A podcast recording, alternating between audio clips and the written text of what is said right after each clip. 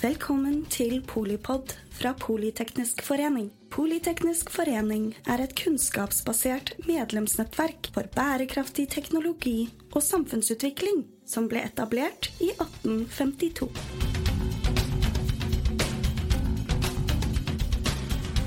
Velkommen til eh, Polipod-episoden om eh, hva vi skal tro om eh, utviklingen i Ukraina ved inngangen til 2024. Vi har med oss Stian Jensen, som er Natos stabssjef. Du sa her tidligere at du var betinget optimist. Ja, jeg, jeg er det. Altså Eh, jeg blir jo ofte spurt om liksom, hvor går krigen i Ukraina, og jeg skal bare altså, si det med en gang at jeg har ingen krystallkule. Um, og det er ingen som med sikkerhet kan, kan vite hvor dette bærer. Uh, og krig er uforutsigbart. Det er vanskelig å spå. Uh, men jeg er allikevel noe betinget optimist på Ukraina, så i og for seg, i og for seg våre, våre, vegne. Altså, la meg bare ha sagt det en gang. Altså, den situasjonen Ukraina står i, det er ekstremt krevende. Eh, og man skal på ingen som helst måte undervurdere russerne i dette her.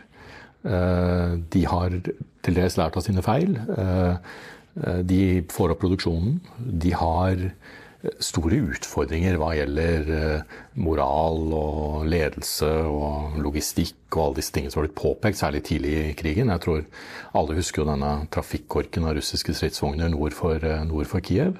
Ehm, eh, men russerne har til dels lært av sine feil og er, jo en formidabel motstander for Ukraina på, på, veldig mange områder.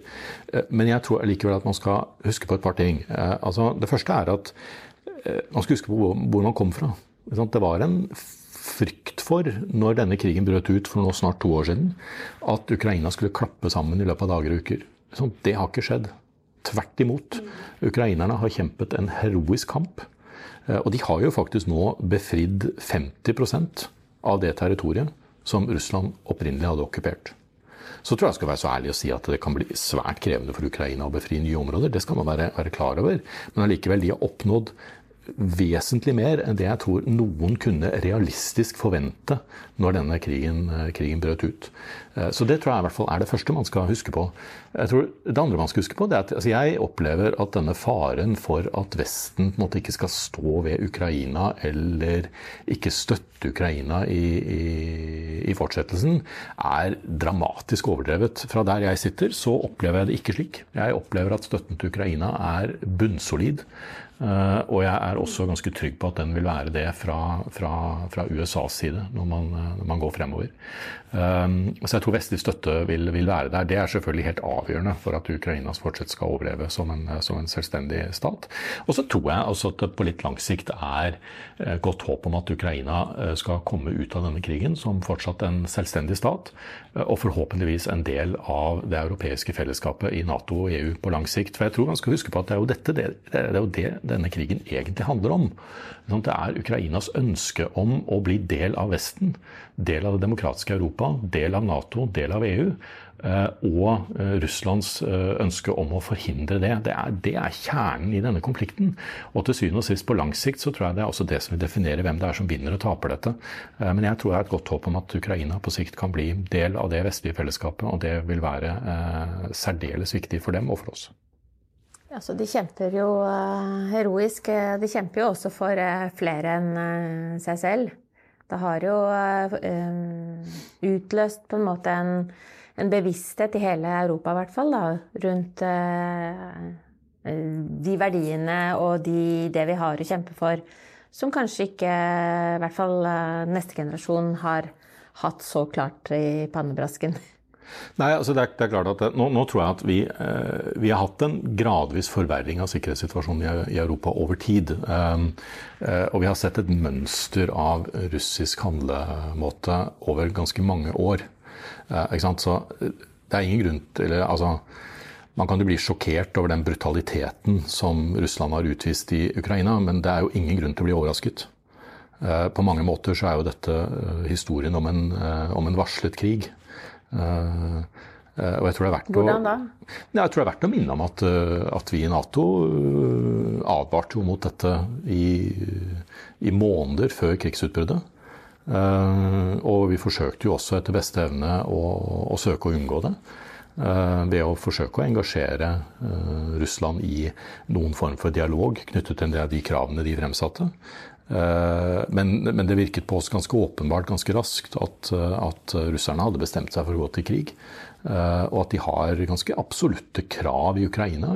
De, de, krever rett og slett mer eller mindre full kontroll over Ukraina. De krever at de ikke skal bli Eh, medlem av Nato og EU ikke skal gå vestover, eh, at de skal forbli innenfor en russisk innflytelsessfære. Det er, det, det, dette, det er det, dette, handler om. Og, og, og, de kravene virker det jo ikke som, som russerne har, har fraveket. Eh, men det er ingenting av dette som bør være overraskende. og jeg tror man skal huske på det at Krigen i Ukraina i og for seg ikke startet for to år siden, den startet egentlig i 2014. Hvor da Russland også starter en, en lokal krig i, i, i Donbas i Øst-Ukraina, og hvor de annekterer eh, Krim. Eh, så dette er jo på en måte allerede en, en, veldig, en veldig, lang og komplisert, eh, og komplisert konflikt. Ja, og så var det jo mye russiske bevegelser før 2014 også? Ja, absolutt. Altså jeg mener jo altså Man kan jo gå tilbake og se på historien mellom Nato og Russland. og Jeg mener jo at det var helt riktig å forsøke å bygge et nytt forhold til russerne etter, etter den kalde krigen. Men det er klart at eh, man har sett et mønster nå over ganske lang tid. altså Grosjen i 2001, invasjonen av Georgia i 2008, eh, cyberangrep mot eh, vestlige interesser, inkludert det norske Stortinget, et forsøk på å orkestrere kupp i Montenegro, som jo er et Nato-medlem, osv.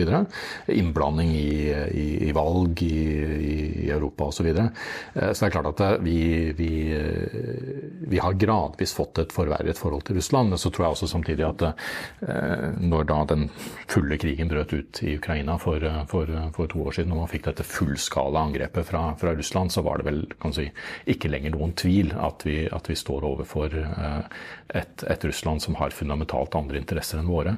Og Det tror jeg er viktig å ha med seg. for jeg tror Selv om krigen i Ukraina på et eller annet mirakuløst vis skulle, skulle løses i morgen, noe jeg har liten tro på, så er det klart at vi skal fortsatt forberede oss på et langvarig konfliktfylt forhold til, til Russland. Uh, igjen så tror jeg man skal huske på hvor denne krigen startet. Altså, Russland hadde krav til Ukraina i form av kontroll av dem, men de hadde også krav til Nato og til USA, som gikk på ikke videre ut Nato-utvidelse. De gikk på at uh, Nato skulle trekke tilbake sine styrker fra nye medlemsland i Polen og Baltikum. Så det mye av dette handler om, det er jo ikke bare Ukraina, men det handler også fra Russlands side om hvordan sikkerheten i Europa skal organiseres. Og det er klart at Der er det visse prinsipper som for vår del er vanskelig å øh, å la gå. Ikke minst dette prinsippet om at land skal selv få lov å velge sin sikkerhetspolitiske tilknytning. Hvis Ukraina ønsker seg mot Nato og EU, så er det deres suverene valg, og ikke noe som, som Russland skal få lov til å, å, å, diktere. Og Det tror jeg er et prinsipp som er svært viktig i europeisk sikkerhet, og også vært, ikke minst svært viktig for Norge. Det var viktig at Norge kunne ta det valget i 1949, og det er viktig at Ukraina kan ta det valget i 2024. Og så betyr det som skjer i Ukraina Altså det, det betyr mye for eh, resten av Europa også? Ja, altså absolutt. Og jeg tror jo at hvis, eh, hvis, eh, hvis Russland lykkes i Ukraina, så, så, så, er det klart at det er farlig for resten av oss. Det vil stadfeste at det å bruke militærmakt, det fungerer. Og det vil da være en fare for at man vil kunne gjenta det en gang i fremtiden. Nå, nå ser jo ikke vi noen sånn umiddelbar trussel mot Nato-land. Det tror jeg det er veldig viktig å si. Uh, uh, og jeg tror personlig ikke at uh, Russland har noen ideer om å angripe Nato, i hvert fall ikke direkte militært. Men det er klart at vi skal være klar over hva vi står overfor her. Uh, og jeg tror det som Ukraina-krigen ikke minst har vist, det er at altså en sånn mellomposisjon i Europa, altså ikke liksom fullt liksom del av Russlands innflytelsessfære, for å si det slik, men heller ikke del av Nato, det er svært krevende. Mm. Uh, og det har jo vært krevende for Ukraina, ikke minst nå. Det er krevende for Georgia, som også har vært vitne til en russisk invasjon. Men det er også krevende for land som f.eks. Moldova. Eh, slik at eh, eh, det, det, vil kunne, det, vil jo kunne, ha ikke minst store konsekvenser for disse landene hvis, hvis, hvis Russland lykkes med sin krigføring i, i Ukraina. Og så selvfølgelig så sier det noe om, om, Vesten og vår evne til å stå opp for det vi tror på. Det er, det er viktig å støtte ukrainerne, og det er viktig at de, er viktig at de lykkes i sin, i sin, kamp mot Russland. Men det er vanskelig å, å se for seg den optimismen din da, når du sitter der og, er, eh, og ser så mye elendighet og sitter eh, med så mange store og viktige beslutninger som får betydning for så lang tid frem i tid også, hvordan holder du på um, vettet? Nei, altså det kan man jo si. Altså, det er klart at vi står overfor en vanskelig sikkerhetspolitisk situasjon i Europa. Eh, det, det er jo ingen som helst tvil om, og det skal man ikke, skal man ikke underkjenne på noen som helst måte. Men, men, men samtidig så, så, så, mener jeg at uh, styrken i Nato-samarbeidet er, er, god. Uh, uh, veldig god. Organisasjonene er omformet de siste årene. Vi er eh, klare for å beskytte allierte hvis det skulle være behov for det. Og samholdet er, eh, samholdet er sterkt. Eh, som sagt, som jeg er inne på også, jeg syns at den, det som Ukraina har oppnådd i krigen mot Russland så langt, det har vært mer enn noen kunne forvente. Og så tror jeg også det er viktig å ha med seg at ukrainske folk tror jeg på, på mange måter har gjort sitt valg. De har gjort sitt valg om å ikke være en del av den russiske innflytelsessfæren. Det er 85% av ukrainere ønsker seg inn i Nato, de ønsker seg inn i EU. Så jeg tror jo liksom, på lang sikt så er Ukraina tapt for Russland. Uh, og, og, og, det sier jo noe om fortsatt den tiltrekningskraften frie demokratier jo tross alt fortsatt har. Uh, som jeg tror er noe, er noe positivt oppi dette. Uh, og så tror jeg vi skal huske på at som jeg har vært inne på i andre sammenhenger tidligere, at eh, det er fortsatt slik at Nato-allierte representerer 50% av verdens militærmakt, 50 av det, verdens bruttonasjonalprodukt. Så det er noe med uh, at vi har en kapasitet til å verne om våre interesser og sikkerhet så lenge vi, så lenge vi holder sammen. Men klarer du å tenke på det på en måte når når du ser Du sa du kalte det varslet, en varslet krig. Er det ja. der du henter styrken for å, for å også sånn uh, i det daglige jobbe for at Nato skal kunne fungere? Altså jeg skal være så ærlig å si at det er til tider vanskelig å si, distansere seg fra all den elendigheten man, man, man ser. og uh, jeg skal ærlig innrømme det at uh, særlig på den morgenen eller natten hvor det russiske angrepet på Ukraina kom, så er det klart det var en, en spesiell stemning på Nato-hovedkvarteret. Mm. Uh, jeg sov knapt noe den natten. Dette var som sagt et varslet angrep. Vi fryktet at det kom. Uh, For dere så det Ja, det, vi, vi, vi, holder jo godt øye med de russiske posisjonene. Så vi visste jo at russerne nå var på vei. Og uh, man begynte å få veldig konkrete meldinger uh, allerede sent på kvelden den 23. februar. hvor jeg fikk beskjed om at angrepet var gitt. Jeg forsøkte å få meg litt søvn, men det var ikke så, var ikke så lett. Og var vel på kontoret sånn i tre-fire-tiden om morgenen. Og da, da var jo krigen, krigen fullt i gang. Og det er klart at det var en spesiell stemning. Det er jo ikke tvil om det. Eh, samtidig så tror jeg det er viktig å forsøke å holde en viss profesjonell distanse til disse tingene. fordi eh, skal man ta gode, rasjonelle beslutninger, så, så må man prøve ikke bli drevet av følelsesspekteret. Men jeg innrømmer gjerne at det til tider er, er krevende. Ja, og så må det jo være Du gjør jo en ekstremt viktig jobb. Det må jo være Altså, vi takker deg og dine kollegaer for det. Og det må jo være veldig motiverende jo, takk, takk, for det. det. Nei, altså det er klart det føles jo meningsfylt, det vi holder på med. Uh, så absolutt. Um, uh, og det tror jeg også er blitt en Jeg opplever jo at det er en generell styrket forståelse også generelt i befolkningen om behovet for et sterkt forsvar. Uh, Eh, behovet for å ta de sikkerhetsutfordringene vi står overfor, på alvor. Vi, vi, opplever jo sterk og økende støtte til Nato-samarbeidet uh, i, i, befolkningen i våre medlemsland. Det, det, er, det er, også motiverende uh, og, og, og, viktig å se. Det er klart at Vi alle skulle jo ønske at vi kunne bruke ressursene på noe annet enn kuler og krutt, for å være helt ærlig. Men dessverre så lever vi jo i en, en tid hvor det, hvor det, er, hvor er nødvendig. Vi har jo et eh, studentnettverk da, som er, det er teknologer, det er eh, samfunnsvitere, det er statsvitere, det er eh, eh, matematikere. Det er eh, jo en bredde av kremen av, mm. på en måte, og bredden kanskje spesielt da, i et sånt unge studenter som har valgt å studere det de er eh, mest interessert i, men som jo har en gryende på en måte forståelse for at eh, verden er veldig annerledes enn da de gikk bare på videregående. Mm. Så hvordan eh, hvordan skal vi eh, ta det engasjementet videre? Altså det ene er jo hva ukrainerne klarer å, å hoste opp av motstandskraft. Har vi noe å lære i forhold til den, det å være robuste som et samfunn? Selv om ikke vi frykter en invasjon, så er det jo mange andre ting vi trenger å forsvare i landet vårt? Ja, absolutt. Det, altså det, det jeg sagt, det er veldig viktig å ha med seg at altså, selv om vi lever i en sikkerhetspolitisk urolig tid, altså, vi ser ingen umiddelbar trussel mot noen invasjon av noe Nato-land. Altså, la oss ha med oss det. Eh, så er det, ikke, så er det slik at det er også Natos jobb å forberede for eh, et worst case-scenario, og det, gjør vi. Men, men, men, vi ser ingen umiddelbar trussel for det. Eh, nå er det jo, som du da er inne på, men det er jo andre ting vi står overfor. ikke? Altså, vi ser jo det at uh, andre stater utfører uh, store etterretningskampanjer mot oss. Desinformasjonskampanjer.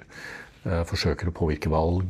så det er klart at det, er noe med liksom, robustheten i våre sivile samfunn som er viktig her. Og det er jo til syvende og sist altså, fundert på befolkningen. At man har en godt utdannet, kritisk befolkning som forstår Eh, verdien av det å leve i et demokratisk, åpent og fritt eh, samfunn, og hvordan det må hegnes om. Men jeg opplever at det er en, en, økende bevissthet rundt, rundt disse tingene. Um, det er, men det er helt nødvendig å ha for fremtiden. Vi, vi er jo tidlig på året, 2024. Hva skal vi følge med på for å både kunne hjelpe og, og forstå, ikke minst utviklingen i Ukraina og Natos arbeid for fred i Europa? Nei, altså Jeg tror man skal ha med seg at det tralle overmål kan, bli, en, kan bli, en, bli, et vanskelig og krevende år i Ukraina. Det er som sagt vanskelig å spå. Eh, men jeg tror man skal ha med seg at eh, for det første, det er altså ikke noen konturer til en politisk løsning eh, slik situasjonen står i dag. Det er ingen tegn til at Russland har endret sin ambisjon om kontroll over Ukraina. og Det gjør at konturene til noen form for fremforhandlet politisk kompromiss er, virker ganske fjernt i dag. Jeg tror også man skal ha med seg at Russland har en kapasitet til å fortsette denne krigen i, i lang, lang tid. Um, uh, slik at uh, situasjonen i Ukraina kommer til å fortsette å forbli uh, krevende. Men som jeg begynte med, så vil jeg gjerne avslutte med litt optimisme. Fordi ukrainerne har som sagt oppnådd mye mer enn det jeg tror Eh, selv de mest optimistiske kunne forvente når denne krigen brøt ut for snart to år siden. Eh, dette koster russerne, selv om det er så langt en kostnad de er villige til å ta. Og jeg tror som sagt på lang sikt så har Ukraina de har, de har gjort sitt valg. Og det er å bli del av Nato, EU, Vesten, og ikke en del av Russlands innflytelsessfære. Og det er til syvende og sist det som jeg tror kommer til å avgjøre hvem som vinner eller taper denne krigen. Tusen takk, eh, Stian Jensen, stabssjef i Nato. Tusen hjertelig takk. Takk til deg som hører på Polipod eh, når og hvor du vil. Jeg er eh, Mette Vågnes Eriksen, er generalsekretær her i Politeknisk forening. Takk for at du lyttet til Polipod fra Politeknisk forening. Få med deg flere episoder, eller bli med på nettverksmøtene, som du finner ved å søke at polyteknisk, eller gå på vår hjemmeside polyteknisk.no.